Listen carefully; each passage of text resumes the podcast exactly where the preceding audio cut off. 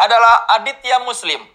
Kelahiran Bangkalan, Jawa Timur, 10 Maret 1991. Dia adalah kontestan pertama asal Madura yang tampil di stand up comedy Indonesia. Ini kenapa jadi kayak prestasi gitu ya? Pernah jadi perawat di Surabaya. Dan di stand up comedy Indonesia season 3 juara berapa? 5 berapa? 6 besar. Pindah ke Jakarta untuk melanjutkan pendidikannya demi dapat gelar sarjana di Universitas Jurusan Kesehatan Masyarakat. Sempat pamit dari Majelis Lucu Indonesia bersama Coki akibat kasus mereka di tahun 2018. Tapi pamitnya pura-pura karena kembali lagi dan tidak menunjukkan kapok. Tidak belajar dari pengalaman. Sama aja ternyata.